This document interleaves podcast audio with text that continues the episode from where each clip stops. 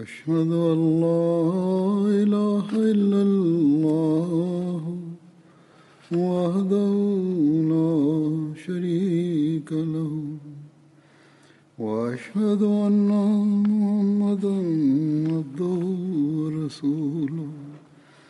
أما بعد فأعوذ بالله من الشيطان الرجيم.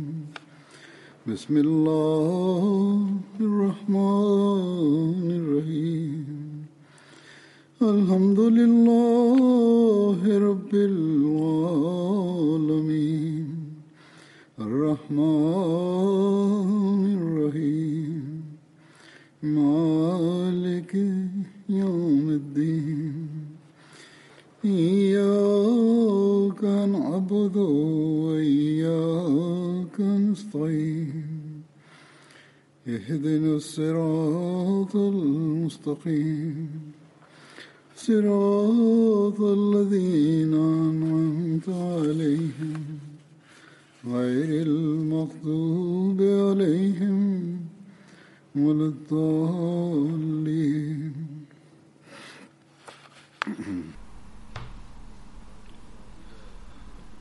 Ashab kojeg ću danas prvo Hazreti Auf bin Haris bin Rafa Ansari. U predajama njegovo ime se spominje kao Auf bin Afra, Auf bin Haris i Aus bin Afra. Afra je ime njegove majke, a on je bio iz plemena Benu Nadžara iz Ansara.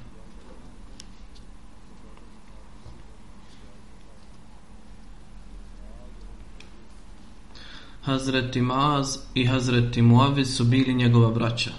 Hazreti Auf je bio među prvom šestoricom koji su došli u Meku i dali bajat. Također je bio prisutan u bajat Akba. Nakon prihvatanja Islama zajedno sa Hazreti Asad bin Zirarom i Hazreti Ammara bin Hazmom slomio je kipove od Benu Malik bin Nidžara. Hazreti Hazret Auf bin Afra na danu bitke na Bedru, tokom bitke je pitao Božijeg poslanika, sallallahu alaihi wa sallam, O Božiji poslaniče, šta najviše obraduje Allaha od strane njegovog groba? Časni poslanik, sallallahu alaihi wa sallam, je odgovorio da je njegova ruka uključena u bitku i da se bori bez oklopa i straha. Znači, ako je prisutan na polju bitke, onda treba da se bori bez straha. Dakle, Hazreti Auf bin Afra skinuo je svoj oklop i počeo se boriti dok nije postao šehid. Abu Džehel je ubio Auf bin Harisa i njegovog brata Muaza, Mauza, u bitci na Bedru.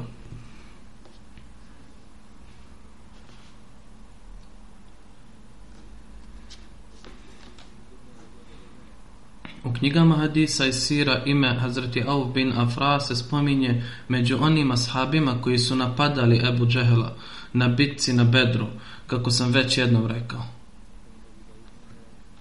U sunen Ebu Davudu piše da se zvao Auf bin Haris. Općenito se kaže da su oba imena njegova.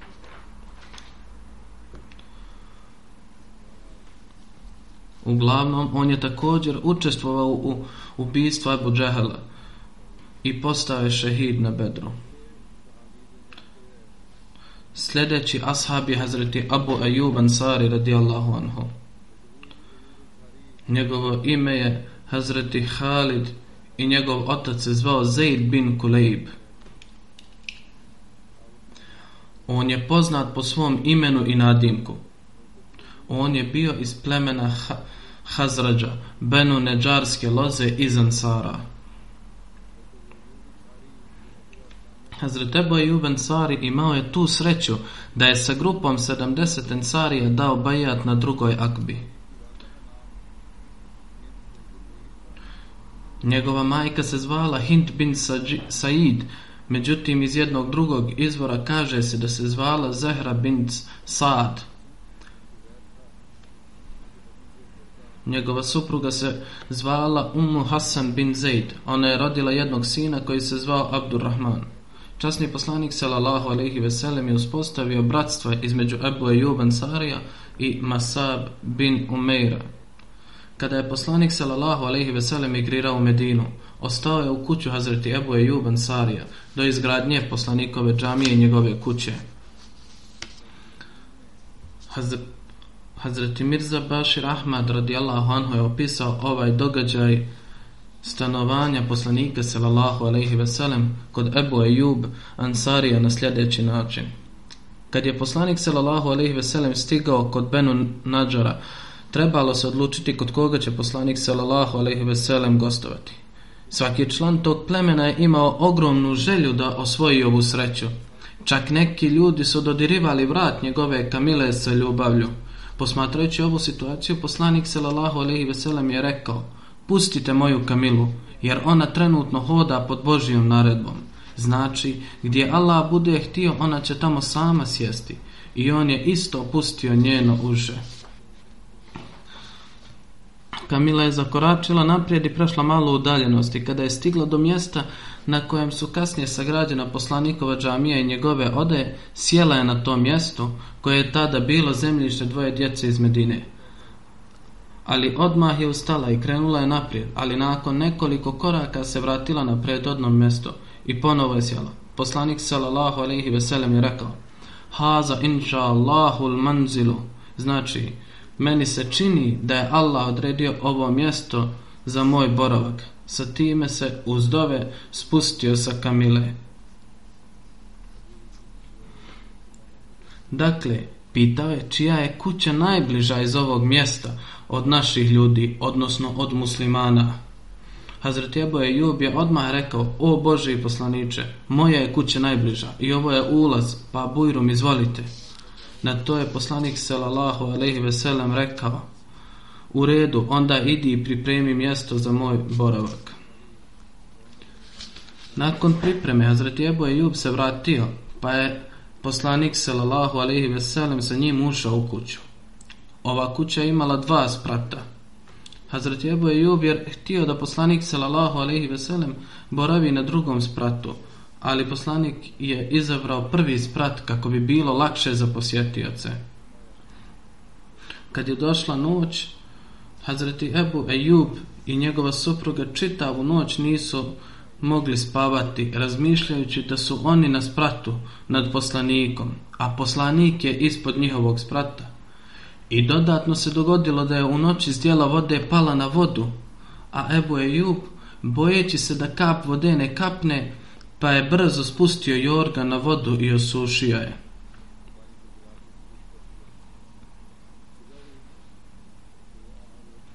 Ujutru je došao kod poslanika sallallahu alejhi ve sellem i zamolio je poslanika da prijeđe na drugom spratu. U početku nije bio voljan, ali je na kraju vidio insistiranje Ebu Ejuba i složio se. Poslanik sallallahu alejhi ve sellem je boravio u toj kući sedam mjeseci, a po predaji Ibn Ishaka do mjeseca Sefera druge hidžretske godine. Znači da je poslanik sallallahu alejhi ve sellem ostao na istom mjestu, odnosno u kući Hazreti Ebu Ejuba Ansarija sve dok poslanikova džamija i susjedne odaje nisu bile spremne. Ebu Ejub je slao hranu poslaniku, a zatim bijao sve što je ostalo od hrane, a iz ljubavi i iskrenosti stavljao bi prste na mjesto gdje je poslanik jeo. I općenito i drugi ashabi su mu također slali hranu. Hazreti Muslim Maud radijallahu anhu također je pričao o ovom događaju, neke fraze. Neke stvari su nove, pa ću zato to pročitati ovdje. Uglavnom su iste, ali on je imao svoj jedinstven način. On piše, kada je, kada je poslanik ušao u Medinu, svi su željeli da on ostane u njegovoj kući. Porodice svake ulice kroz koju je prolazila njegova Kamila stajale su ispred svojih kuća i pozdravljale poslanika sallallahu alejhi ve sellem. A oni su znali reći: Allahov poslanice, ovo je naš dom i ovo je naše vlasništvo i naši životi su na vašoj službi i mi smo sposobni da vas zaštitimo, pa ostanite kod nas. neki ljudi bi jurali, jurili naprijed i grabili bi vrat njegove kamile da bi ga odveli svojoj kući. Ali poslanik sallallahu alejhi ve sellem bi svakome odgovorio: "Pustite moju kamilu. Danas ona hoda pod Božjom naredbom i ona će stati tamo gdje Allah bude htio." Napokon se Kamila zaustavila u zemlji siročati Benu Nadžara na jednom kraju Medine. On je rekao, Božja namjera je da ostanemo ovdje. Nakon toga je pitao čija je ovo zemlja. Vlasnici zemlje su bila neka siročad. Njihov staratelj se predstavio i rekao, o Boži poslaniče, ovo je zemlja tih i tih siročadi i stoji na vašem raspolaganju. Poslanik je rekao, ničije imanje ne mogu besplatno uzeti. Na kraju se odredila cijena za to zemljište i poslanik sallallahu alejhi ve sellem je odlučio izgraditi svoju džamiju i kuću. Zatim je rekao, čija je kuća najbliža iz ovog mjesta. Ebu Juben Sari je krenuo naprijed i rekao, o Allahov poslaniče, moja kuća je najbliža i stoji ti na usluzi. Poslanik je rekao, idi kući i spremi jednu sobu za mene. Kuća Ebu Ejuba bila je na dva sprata. Predložio je gornji sprat za poslanika sallallahu alejhi ve sellem, ali poslanik sallallahu alejhi ve sellem više je volio donji sprat, misleći da će posetioci patiti. Hazreti Muslim Maud kaže da je ovo prilika da je ova prilika dobro pokazala kako su ansari gajili duboku ljubav prema poslaniku. Na insistiranje poslanika sallallahu alejhi ve sellem Ebu Ejub je pristao da poslanik ostane dolje, Ali oni, žena i muž su ostali budni cijelu noć misleći da poslanik spava ispod njih.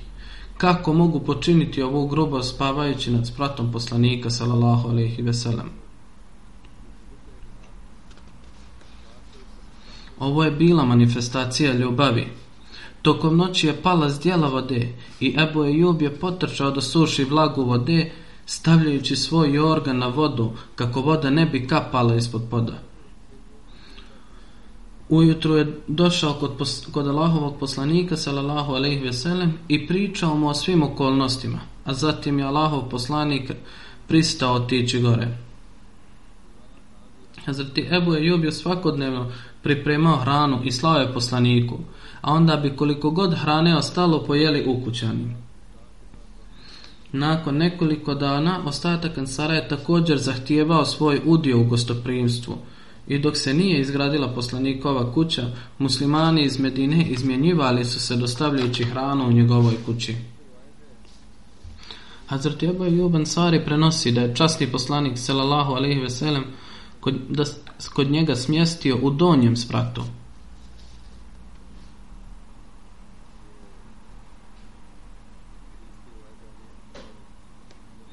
Dalje ću nastaviti iz hadisa, a što se tiče iz predgovora Hazreti Muslim Aude, već je sve preneseno. Uglavnom, Hazreti Ebu Ejub prenosi da je časni poslanik sallallahu alaihi veselem došao kod njega. Časni poslanik je bio u donjem, a on u gornjem spratu. Prenoslac kaže da je jedne noći Ebu Ejub probudio i rekao hodamo po glavi Allahovog poslanika sallallahu alaihi veselem pa se povukao na jednu stranu i proveo noć na čošku sprata. Zatim se obratio poslaniku sallallahu alejhi ve sellem, a poslanik mu je rekao: "U donjem dijelu ima više udobnosti." Pa odgovorio: "Ne mogu ostati na krovu pod kojem ste vi." Pa se poslanik sallallahu alejhi ve sellem uselio na spratu, a Ebu Ejub je na donjem ostao. On je pripremao hranu za poslanika sallallahu alejhi ve sellem, a kad mu se vraćala hrana od Allahovog poslanika, on bi pitao osobu koja je služila hranu da mu označi dio hrane koju su dirali poslanikovi prsti. I jeo bi iz tog mjesta odakle je jeo poslanik sallallahu alejhi ve sellem. Jednom je pri, pripremio obrok za poslanika u kojem je bio bijeli luk, a kada mu je vraćen, pitao je za mjesto prstiju poslanika sallallahu alejhi ve sellem i pitao ga je je li jeo. Kad mu je rečeno da danas poslanik nije jeo, postao je vrlo uznemiren i otišao kod poslanika i pitao ga je da li je bijeli luk haram. Poslanik sallallahu alejhi ve sellem je rekao nije, ali ja ga ne, ne volim. Na to je Ebu Ejub Ansari rekao, ono što vi ne volite, ja isto ne volim. Ili je rekao, ono što se vama nije svidjelo, ne sviđa se ni meni. Prenosilac kaže da su kod poslanika dolazili meleci. Ovaj hadis je iz muslima ovako piše. Znači, pripremao je objavu i dolazili su meleci, odnosno primao je objavu i dolazili su meleci, zato poslanik nije volio stvari sa takvim mirisom. Ova predaja zabilježena je i u muslimu na sljedeći način. Prenosi se od Ebu Ejuba Ensarija da kada bi se ponudila hrana poslaniku sallallahu alaihi veselem, on bi jeo iz nje i poslao mi ostatke hrane. Jednog dana poslao je ostatke hrane koje nije pojeo jer je u njoj bilo bijelog luka. Pitao sam njega je li to haram? Rekao je ne, ali ga ne volim zbog njegovog mirisa. Zatim je Ebu Ejub rekao, onda ne volim ni ja ono što vi ne volite. Na jednoj drugoj predaji iz Musnada bin Hambela ovaj događaj se ovako prenosi. Ebu Ejub Ansari kaže, poslanik sallallahu alejhi ve sellem ostao je u prizemlju naše kuće, a ja u gornjoj sobi. Jednom se prosula voda u gornjem spratu, pa ja i Ummi Ajub smo uzeli čaršav i, i počeli sušiti vodu iz straha da će kapnuti i pasti na poslanika. Tada sam iz straha došao kod poslanika, salallahu alaihi veselem, i rekao, O Bože i poslaniče, nije u redu da živimo iznad tebe. Pa bih vas zamolio da pređete na gornjem spratu, pa se poslanik, sallallahu alejhi ve sellem preselio u gornju sobu. Dakle, po naredbi poslanika, njegove stvari su bile prenesene na gornjem spratu, a njegove stvari su bile vrlo skromne. Onda sam rekao, Allahov poslaniče, kad mi pošalješ hranu, pregledam je i gdje god vidim tvoje otiske prstiju, tamo stavim ruku. Ali kad sam vidio hranu koju si mi danas poslao, nisam primetio otiske prstiju. Poslanik sallallahu alejhi ve sellem je rekao: "U pravu si, jer u njoj je bilo luka. Ovdje se spominje luk umjesto bijelog luka.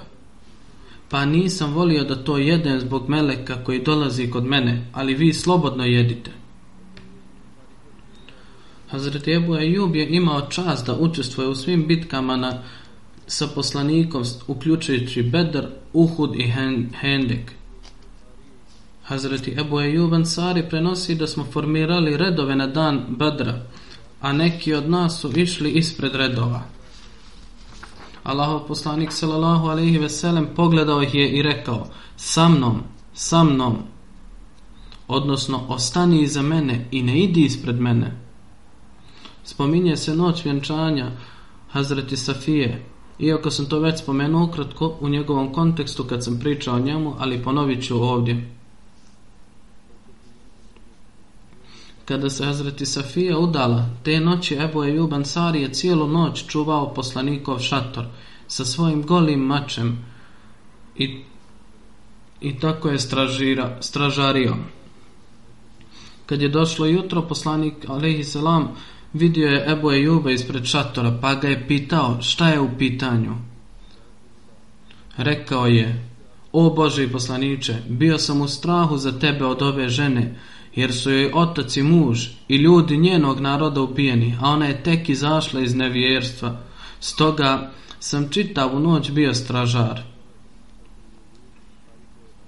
Slušajući ovo poslanik sallallahu alejhi ve sellem je dobio za njega Allahumma ihfiz Abba Ajuba kama bata jahfazani što znači o moj Allahu čuvaj Ebu Ajuba kako je on proveo čitavu noć čuvajući mene.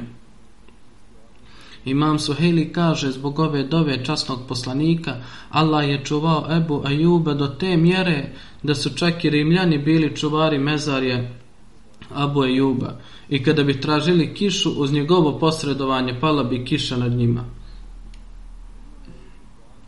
Hazreti Mahmud kaže da je čuo od Hazreti Udban bin Malika Ansarija kako je bio učestvovao u bedru sa poslanikom. Rekao je da je vodio nama svom plemenu Banu Salemu, ali između njega i njegovog naroda je postojala jedna riječica. U vrijeme kiše bilo bi teško za njega da je pređe, pa je bio došao kod poslanika i zamolio njega, ja sam čovjek slabog vida, a riječica koja se nalazi između mene i mog naroda u vrijeme kiše nadođe, pa mi bude teško da je pređem. Pa zato želim da vi posjetite moju kuću i obavite namaz na jednom mjestu koje bih ja koristio kao mesđid. Poslanik sallallahu alejhi ve sellem je rekao: Doći ću. Sljedećeg dana oko jutarnjih sati poslanik sallallahu alejhi ve sellem sa Ebu Bekrom je došao kod mene. Poslanik sallallahu alejhi ve sellem je tražio odobrenje za ulazak u kuću.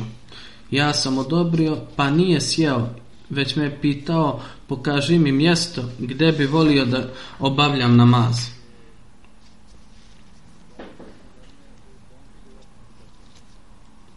Znači poslanik sallallahu alejhi ve sellem ga je pitao pošto si me zvao za namaz, pokaži mi mjesta gdje bi volio da klanjam namaz. Dalje on kaže, ja sam mu pokazao mjesto gdje sam htio da on obavlja namaz. Poslanik sallallahu alejhi ve sellem je ustao i učio je tekbir Allahu ekber i mi smo stali u safi za njega. Poslanik sallallahu alejhi ve sellem je vodio dva rekata i predao je selam, a mi smo ga također pratili. Pa sam ga zamolio da ostane za Hazaru, za Haziru koja se spremala za njega, odnosno hrana koja se sprema sa mesom i brašnom. Iz komšiluka ljudi su čuli da je poslanik sallallahu alejhi ve sellem kod mene, pa su mnogi jurili prema mojoj kući, dok mi kuća nije postala puna. Jedan od njih je rekao, a gdje je Malik, ne mogu da ga vidim. Na to je neko rekao, on je licemjer. Također su pitali za još jednog ashaba, pa su rekli da je on zaista licemjer. On nema nikakvu ljubav prema Bogu i njegovom poslaniku. Zato nije došao. Na to je poslanik sallallahu alejhi ve sellem rekao: "Ne treba tako pričati. Zar vi ne znate da je on rekao la ilaha illallah i uz ovu izjavu on traži Božije zadovoljstvo?" Na to je čovjek rekao, Allah i njegov poslanik najbolje znaju, ali mi ga vidimo kako se druži i priča sa licemjerima. Poslanik sallallahu alejhi ve sellem je rekao: Allah je zabranio vatru onome ko prizna la ilaha i sa tim traži Allahovo zadovoljstvo. Hazreti Mahmud ibn Rabi govorio je da je to prepovjedao nekim drugim ljudima, uključujući Ebu Ejuba, poslanikovog ashaba koji je bio učestvovao na toj bici u kojoj je umro na zemlji Rimljana, a Jezid, a Jezid bin Muavija je bio njihov vođa. Kaže da je Hazret Ebu Ejub odbio moju priču i rekao je, tako mi Allaha, ne vjerujem da je časni poslanik sallallahu alaihi veselem nešto ovako rekao kako ti kažeš. Znači da je džehennemska vatra zabranjena onome ko samo izgovara la ilaha illallah. Uglavnom kaže, meni je ovo teško palo i postao sam jako uznemiren, pa sam odlučio da sebe obavezujem u ime Allaha. Ako se vratim živ iz ovog rata, da ću ovo pitati Hazreti Odbana ibn Malika ako ga sretnem u njihovoj džamiji. Znači, vratio se i obukao je hram za hađ ili umru i krenuo je, pa je stigao sam u Medini. A kad je otišao u naselju Banu Salema, video je da je Hazreti Udban ostario i da mu je vid nestao i da je vodio namaz svome narodu. Kada je završio namaz, pozdravio se sa njim i predstavio sebe. Zatim ga je pitao istu stvar, pa je on istim načinom to prenio kako je već prenio prvi put. To jest da jeste, ovo je istina da sam čuo da Allahovog poslanika, da kogod kaže la ilaha illallah, njemu je vatra zabranjena. Ali Hazreti Ebu Ejubovo nije prihvatio.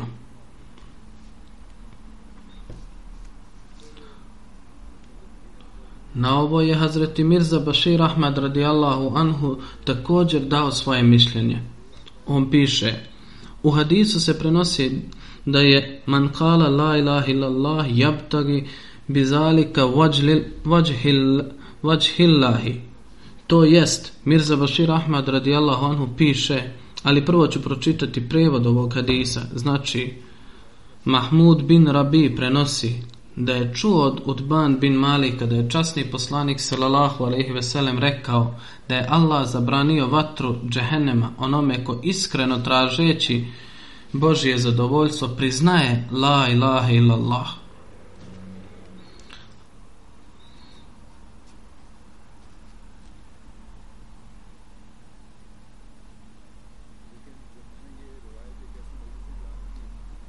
Ali kad sam ovo prenio u jednom druženju gdje je Hazreti Ebu Ejub Ansari bio prisutan, on se suprotstavio ovom hadisu i rekao je, kunem se Allahom i ne vjerujem da je ovo poslanik sallallahu alaihi ve sellem rekao. Hazreti Mirza Bashir Ahmad radijallahu anhu dalje piše, što se tiče ovog hadisa koji je bio ispravan u smislu principa kazivanja, što se tiče principa kazivanja, bio je tačan, ali Hazreti Ebu Ejub Ansari radijallahu anhu ga je odbio na osnovu dirajeta, odnosno svog vlastitog svatanja, ono što je on svatio.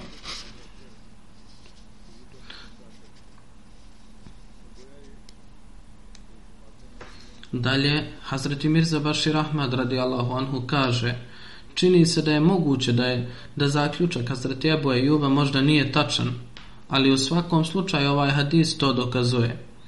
Znači, sada Mirza Bashir Ahmad želi dokazati da ashabi nisu tako jednostavno prihvatili svaki hadis, odnosno bez ikakvog istraživanja i razmišljanja.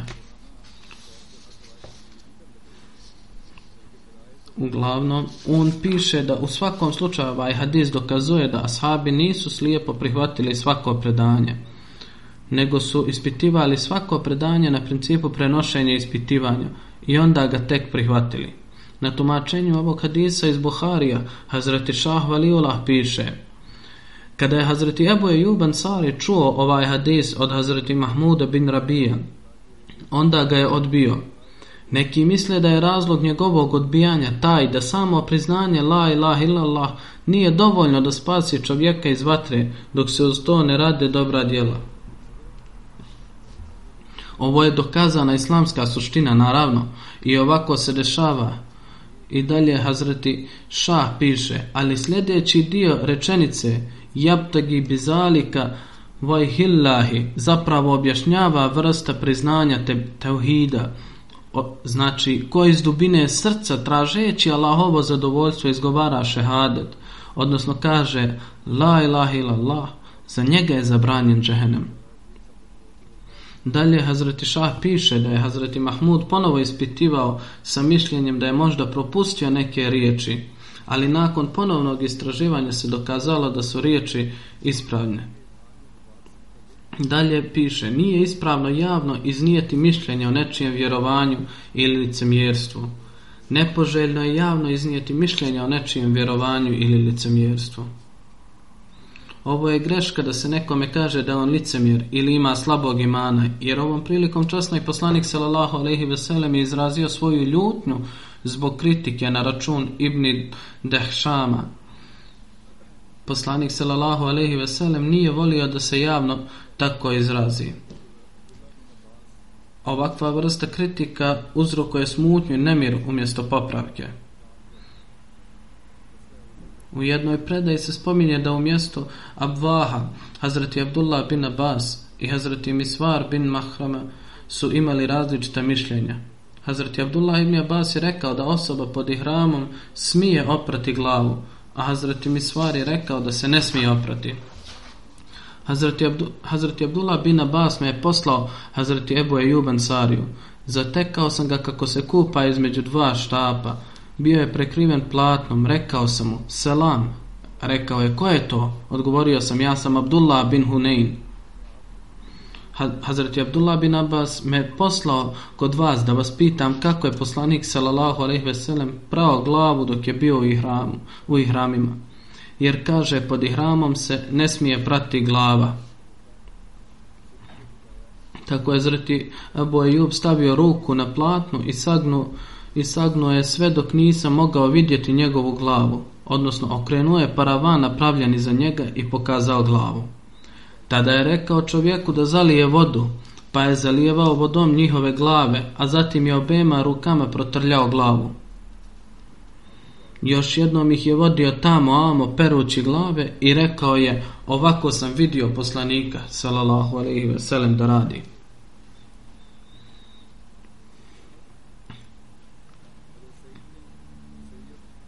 Hazreti Said bin Musaid prenosi da je jednom prilikom Hazreti Ebu Ejub vidio nešto poput slame u blagoslovljenoj bradi časnog poslanika sallallahu alaihi ve sellem, pa ga je odvojio i pokazao časnom poslaniku. Poslanik sallallahu alejhi ve sellem rekao je: "Neka Allah ukloni od Ebu Ejuba ono što mu se ne sviđa." Prenosi se da je rekao: "O Ebu Ejub, želim da te nikad ne zadesi nevolja." Hazreti Ebu Ejub Ansari bio je u prvoj liniji vojske Hazreti Alija u bitci kod Džamala i bitke kod Safina i bitke kod Nehruva, Nehruvana. Koliko je Hazreti Ali imao povjerenje u osobu Hazreti Ebu Ejub Ansarija govori činjenica da je Hazreti Ali proglasio Kufu glavnim gradom i preselio se tamo, a Hazreti Ebu Ejub Ansarija je postavio za guvernera Medine do 40. hitretske godine. On je ostao guverner Medine sve dok sirijska vojska Amira Muavije predvođena Jaširom bin Abu Artom nije napala Medinu. Tada je Hazreti Ebu Ejub Ansari napustio Medinu i otišao kod Hazreti Alije u Kufu. Nakon časnog poslanika sallallahu alejhi ve sellem, ashabi su imali mjesečna primanja od halife. Primanja Hazreti Ebu Ejube je bila 4000. Ali je Hazreti Alija haz, u vrijeme svog kalifata to povećao do 20.000. Prije je osam sluga bilo određeno za rad na njegovoj zemlji, a Hazreti Ali je to povećao na 40 sluga. Prenosi se od, Hazret, od Hazreti Hubej bin, bin Abu Sabita da je Abu Ajub došao do Amira Muavija i požalio mu se na svoj dug. Ali Muavija nije vidio što mu se sviđa i vidio je što mu se ne sviđa. Odnosno Muavija nije primijetio ono što je dobro kod Hazreti Ebu Ajuba nego je vidio ono što mu se nije svidjelo.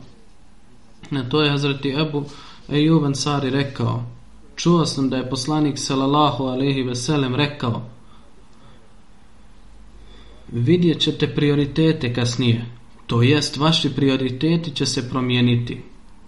Amir al-Muavija je rekao, šta vam je naredio poslanik sallallahu alaihi veselem kada je ovo rekao? Hazreti Ebu Ejub je rekao da im je poslanik sallallahu alaihi veselem naredio da čine sabura kad se budu mijenjali njihovi prioriteti, ne budu se pitali i dobar prijedlog bude odbijen. Onda je Amir Muavija rekao, onda vi činite sabur. Hazreti Ebu Ejub radijallahu anhu je rekao, kunem se Bogom, ja više nikad neću ništa tražiti od vas. Onda je krenuo za Basru, i boravio kod Hazreti Ibni Abasa. Ibni Abbas mu je ispraznio kuću i rekao, ponašat ću se prema vama onako kako ste se vi odnosili prema Allahovom poslaniku i kako ste vi ugostili poslanika, tako ću i ja vas. Hazreti Ibni Abbas naredio je svojoj porodici da izađe, a Hazreti Ibni Abbas je rekao da sve što se nalazi u kući vaše je, i dali su Hazreti Ejubu 40.000 dirhema i 20 robova i za sebe obezbedio nešto drugo. Znači, ne samo da mu je dao kuću, već mu je dao i 40.000 dirhema i 20 robova. Hazreti Muslim Aud radijallahu anhu u tumačenju ajeta va anfaku fi sabi lillahi wa la tulku bi ajdikum ila tahlukati vahsinu inna laha yuhibul muhsin. Kaže ljudi nisu shvatili bit ovog ajeta da va anfaku fi sabilillahi wa la tulku bi aidikum ila tahlukati vahsanu inna lahu inna allaha yuhibul muhsinin. Kad god naiđu na ovo na bilo kakve poteškoće na Allahovom putu. Oni odmah kažu da je riječ o samouništenju jer Allah je rekao وَلَا تُلْكُ بِعَيْدِكُمْ إِلَا تَحْلُكَتِ odnosno ne ubijajte se. Stoga kako možemo u to učestvovati? Ali ovo sigurno ne navodi ka tome da musliman treba pobjeći sa mjesta gdje postoji strah od smrti i pokazati kukavičluk. Ovo zapravo znači kada se vode bitke s neprijateljem raširenom rukom, potrošite svoje bogatstvo. Ako uskratite bogatstvo, stvorit ćete vlastitim rukama sredstva za smrt. Stoga se u hadisima prenosi od Ebu Ejuban Sarija da je, dok je bio na putu da osvoji Carigrad, rekao da je ovaj ajet objavljen o nama Ensarijama, a zatim je rekao da smo na početku trošili svoje imetke na Allahovom putu, ali kad je Allah ojačao i, i počastio svoju vjeru i muslimani su postali osvajači. tada smo rekli kalna hal nakimu fi amvalina va nusli huha rekli smo da ako zaštitimo našu imovinu sačuvamo je to će biti dobro tada je objavljen ajet koji ne oklijeva da svoje bogatstvo troši na Allahovom putu, jer ako to učinite, to će značiti da želite dovesti svoje živote u opasnost. Zato nemojte gomilati svoje bogatstvo, već ga trošite na Allahovom putu, jer će vam u protivnom vaši životi propasti, a neprijatelji će vas sustići, a vi ćete propasti.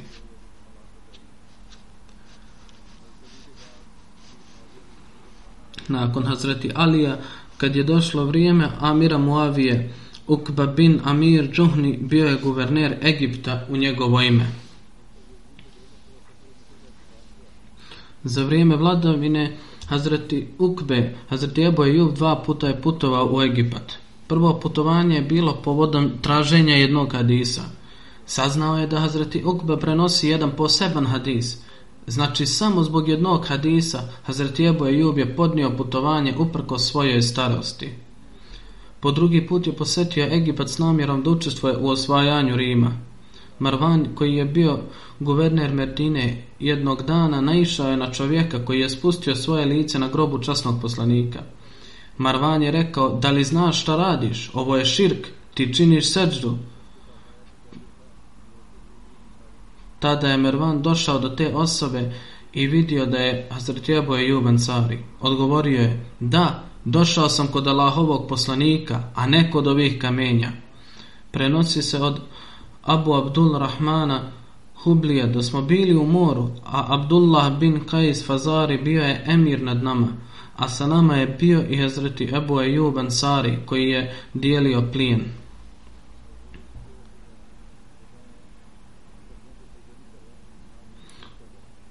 Ovdje mislim na to da sam savijen zbog te ljubavi i naklonosti, a ne da činim seždu kamenju ili činim neke širke nego ovo je čist izraz moje ljubavi prema poslaniku uz razum Božijeg jedinstva i moje srce je čisto od širka. Prenosi se da je Abu Abdul Rahmana Hublija da smo bili u moru, Abdullah bin Kajs Fazari bio je emir nad nama, a sa nama je bio i Hazret Ebu Ejub Ansari koji je prošao pored onih koji su dijelili plijen i nadzirali zatvorenike.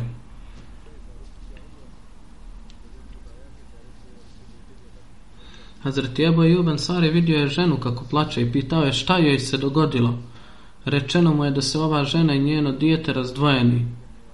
Prenoslač kaže da je on zgrabio dijete i dao ga njegovoj majci.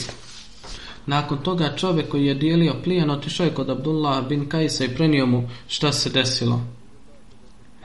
Stoga je on pozvao Hazreti Ebu Ejube i pitao zašto je on ovo uradio. Na to je on rekao, čuo sam da je poslanik sallallahu alejhi ve sellem rekao Ko razdvoji majku od njenog sina, Allah će razdvojiti njega i njegove najmilije na kijametskom danu. Dakle, u ovome postoji lekcija za neke ljude koji otmu djecu od majki. Onda neka oni koji se protive islamu vide šta oni sami rade. Islam vodi račun do te mjere. U posljednjim danima je bila vijest da u SAD-u ima migranata koji su im dolazili, da su odvojeno držali izbjeglice. Majke su razdvojili od djece, a neka djeca nakon nekog vremena nisu ni prepoznala majke. Uglavnom, Islam navodi da do te mjere da se ne razdvaja majka od djece i na takav način ih ne mučite.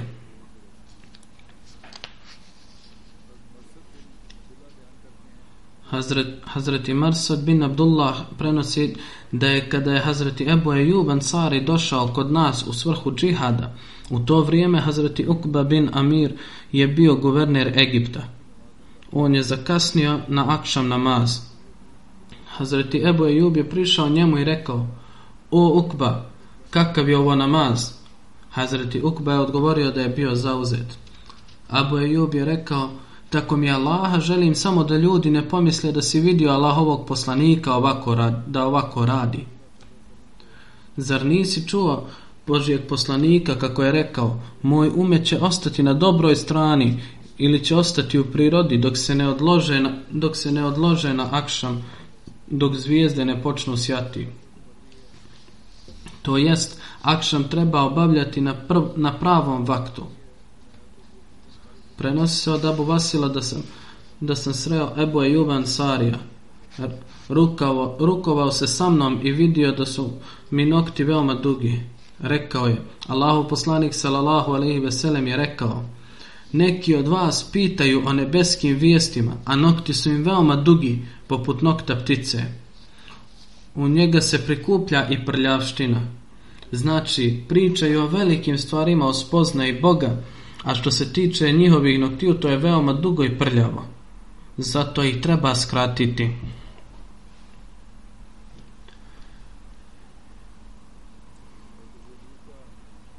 Ovaj hadis je iz Musnad bin Hanbala. Hazreti Ebu Ejub je uživao istaknuti položaj, čak su ga i drugi ashabi znali pitati o vjerskim pitanjima. Ashabi, kao što su Hazreti Ibn Abbas, Ibn Omer, Bara ibn Nazib, Enes ibn Malik, Abu Imama, Zaid ibn Halid, Džuhni, Mukadam ibn Mahdi Karb, Džabir ibn Samra, Abdullah ibn Jezid, Hatami i tako dalje, koji su direktno bili odgojeni kod poslanika, ali su se isko iskoristili od Ebu Ejuba.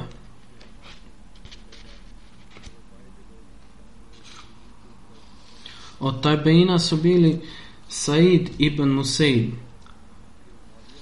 Urvan ibn Zubeir, Salim ibn Abdullah, Atta ibn Yasar, Atta ibn Yazid Laisi, Abu Salma, Abdul Rahman, ibn Abi Leila, koji su zaista bili istaknuti ljudi, ali ipak su imali veliko poštovanje prema Hazreti Ebu Ejubu. Hazret Ebu Ejub Al-Ansari je prenio da se išao boriti u vrijeme Muavije. Kaže da je postao jako bolestan, rekao je kada je po, kaže da je postao jako bolestan, rekao je svojim kolegama, ako umrem, želim da me zakop, da me pokupite i kada se budete poredali protiv neprijatelja, sahranite me pred vašim nogama.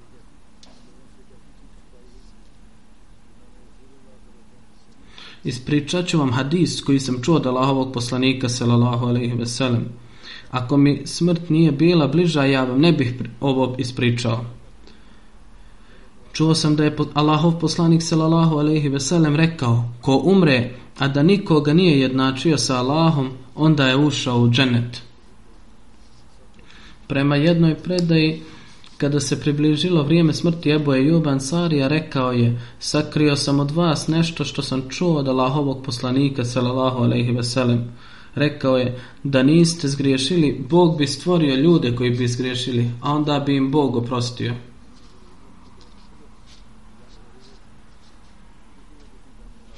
Znači, ako tako, znači Allah tako duboko vodi račun da je on milostiv i prašta. Prenosilac Muhammed pre, prenosi da je Hazreti Abu Ayyub Ansari učestvovao u bitci kod Bedra. On nije zaostajao ni u jednoj velikoj muslimanskoj bitci, osim ako se nije pridružio drugoj. Odnosno, ako bi se istovremeno odvijala dva različita rata, on bi bio uključen u jedan ili drugi rat. Samo u jednoj godini nije učestvovao u borbi, jer je u vojsci jedan mladić bio određen kao zapovjednik. U toj godini je sjedio. Nakon te godine zašalio se i rekao je, Šta ja imam sa time da ko je izabran za vođu nadamnom? Šta ja imam sa time ko je izabran za vođu nadamnom? Šta ja imam sa tim ko je izabran za vođu nadamnom? To je rekao tri puta. Prenosi se da je mladić koji se spominje u ovoj predaji o vođenju bio Abdul Malik bin Marvan.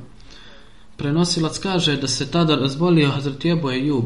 Jazid ibn Muavijah je bio vođa vojske. Došao je kod njega i pitao ga treba li mu šta.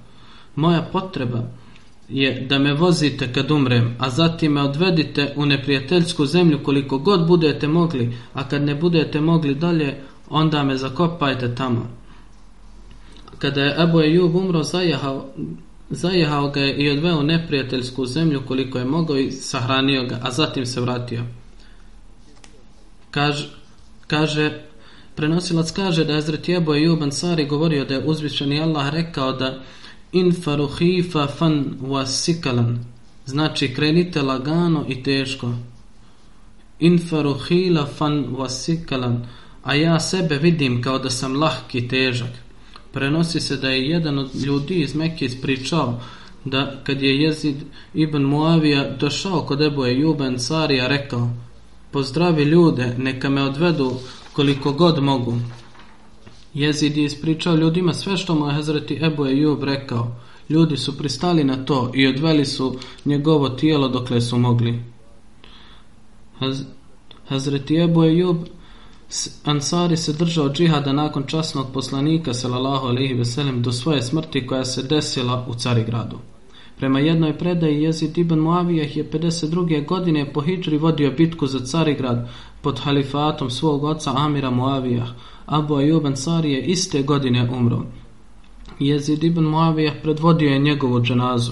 Njegov mezar se nalazio u rimskoj zem, zemlji u blizini tvrđave Carigrada. Prenosioc kaže, saznao sam da rimljani čuvaju i popravljaju njegov mezar, a u vrijeme gladi uz njegovo posredovanje traže vodu.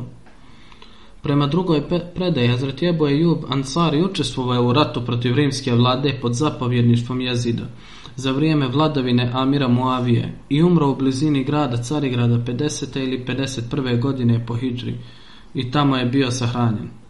Prema tradiciji, Jazid je naredio konjanicima da trče naprijed natrag na grobu Hazret i Ejub Ansarija sve dok se žig njegove grobnice ne izbriše.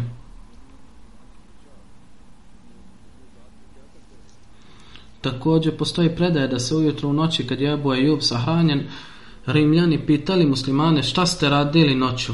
Muslimani su rekli da je Ebu Ejub Ansari bio jedan od istaknuti ashaba našeg poslanika sallallahu alejhi ve sellem i da je bio najstariji od njih u pogledu prihvatanja islama. Pokopali smo ga kao što ste vidjeli, a tako mi Allaha, ako grob bude iskopan, neće se čuti vaše zvono u arapskoj zemlji, sve dok imamo vlasti. Mujahid kaže da bi kad bi u njihovoj zemlji bila glad, ako bi uklonili prašinu iz njegovog groba, onda bi padala kiša. Ova tradicija se i ovdje spominje, Allah najbolje zna koliko je istinita.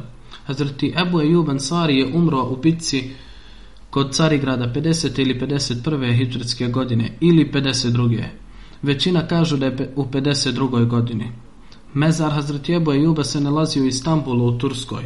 Mezar se nalazi na platformi zatvorenoj mesinganim rešet, rešetka s tim vratima. Većina Turaka ovdje dolazi radi duševnog mira.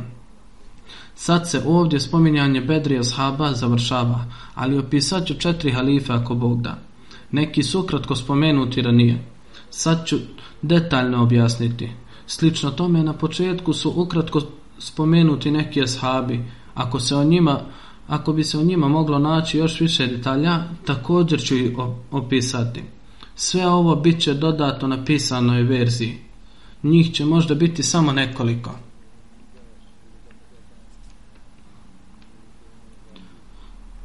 Sada bi spomenuo nekoliko umrlih koji su nedavno preminuli, a također ću klanjati njihove dženaze nakon namaza. Prvi je gospodin Abdul Haymandal Mualim iz Indije. Preminuo je od srčanog udara 25. septembra u 2020. godini u 53 u 53. godini. Inna lillahi ve inna ilaihi rađiun. Ovaj mualim je prihvatio džematu u 1999. godini nakon istraživanja. Nakon što je diplomirao na džamijatul Mubashirin 2003. godine, nastavio da služi džemat napornim radom, iskrenošću i predanošću do svoje smrti. Pa tako ukupno 17 godina služio je džemat. Rahmetlija je bio vrlo iskren, pobožan, poslušan i predan mualim. Bio je jako redovan u namazu i također imao ogromnu ljubav prema džematu. Iza sebe ostavio suprugu, dva sina i dvije čerke. Neka ga Allah obaspe milošću i, i oprošću i podari duševni mir njegovoj djeci i supruzi. Sljedeća džanaza je Sirađul Islama, mualim iz kantona Muršida Bada, provincije Bangla, koji je preminio 14. oktobra 2020. godine u 60. godini. Allahu pripadamo i njemu ćemo se vratiti. Rahmetli Mualim sahib stekao je šest, šest mjeseci obuke za Mualima u džamijatul Mubashirin u Kadijan 2002. godine i nastavio je službu privremenog Mualima do, do 2020. godine. S tim u vezi period službe Mualim sahiba je 18 godina. Rahmetlija je bio vrlo iskren, pobožan, poslušan Mualim. Bio je jako dosljedan prema namazu i postu i koji je puno volio džemat. Iza njega su ostala supruga i tri čerke. Najstarije dvije čerke su, kćeri su udate, a treća studira. Neka mu Allah podari oprost i milost i podari strpljenje njegovoj porodici. Neka im Allah pomogne da nastave činiti dobra djela. Treća dženaza je od šehid Ahmad Hana Paša koji je bio unuk obećanog Mesija alaih salam sa čerkine strane, a njegov djed se zvao Hazreti Nawab Muhammad Ali Khan. Njegova majka se zvala Nawab Amtul ha Hafiz Begum radijallahu anhu. A otac mu se zvao Hazreti Nawab Abdullah Khan koji je preselio 26. oktobra u 85. godini. Bio je u bolnici. Allahu pripadamo i njemu ćemo se vratiti. Sa Božjom milošću bio je Musi. Imao je dvije žene. Prvi brak je imao sa Amtul Šukrom, e, š, sa Amtul Šakurom, čerkom Zrati Alifatul Mesih trećeg e, u, u 1962. godini. Maulana Džaludin Šemsih je venčao jer je drugi halifa bio bolestan. Iz prvog braka imao petoro djece, dva sina i tri čerke.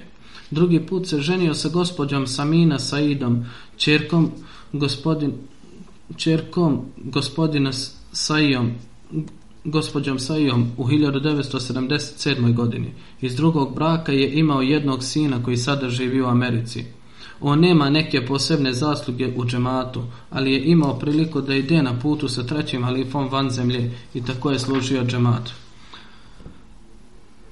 Također njegova supruga piše da je jedan, jedna od njegovih vrlina ta da je puno pomagao siromašnim ljudima. Snosio je troškove mnogih siromaha. Čak nekome napravio kuću i bio je jako redovan u pomaganju. Neka mu Allah podari milost i oprost. Neka mu djeca budu povezana sa džematom i hilafetom. Sljedeća dženaza je od Said Masud Ahmad Šaha iz Sheffielda, Engleske, koji je preselio 8. septembra. Allahu pripadamo i njemu ćemo se vratiti.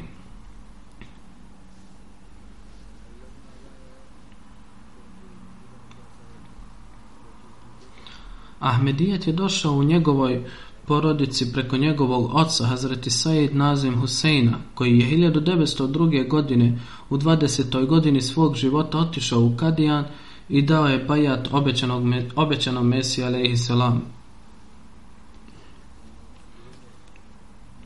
Said Masud Ahmad Shah bio je stalni stanovnik Sheffielda nakon dolaska u Velikoj Britaniji 1962. godine.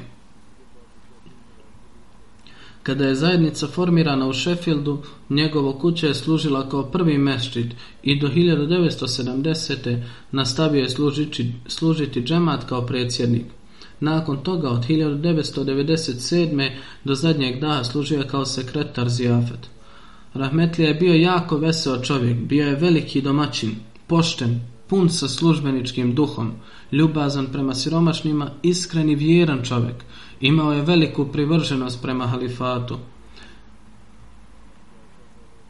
Njegova čerka, dr. Kaiša, kaže da ih je pokušavao povezati sa džematom, a posebno s halifom, i nagovarao nas je da se sastajemo sa halifom svaki šest mjeseci neka Allah podari sabor i hrabrost njegovoj supruzi i kćerki, neka mu podari milost i oprost i da podari sposobnost njegovoj supruzi i kćerki da nastave njegova dobra djela.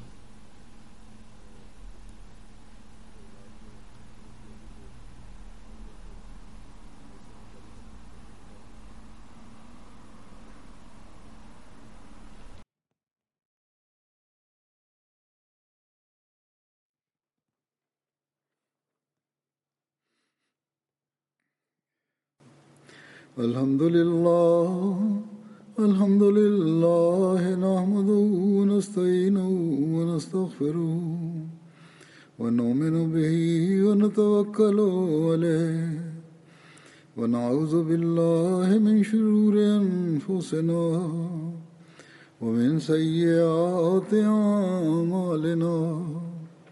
من يهده الله فلا مضل له ومن يضلل فلا هادي له. ونشهد أن لا إله إلا الله. ونشهد أن محمدا عبده ورسوله. عباد الله رحمكم الله. إن الله يأمر بالعدل واللسان وإيتاء ذي القربى. وينهى عن الفحشاء والمنكر والبغي يعظكم لعلكم تذكرون. اذكروا الله يذكركم وادعوه يستجب لكم ولذكر الله أكبر.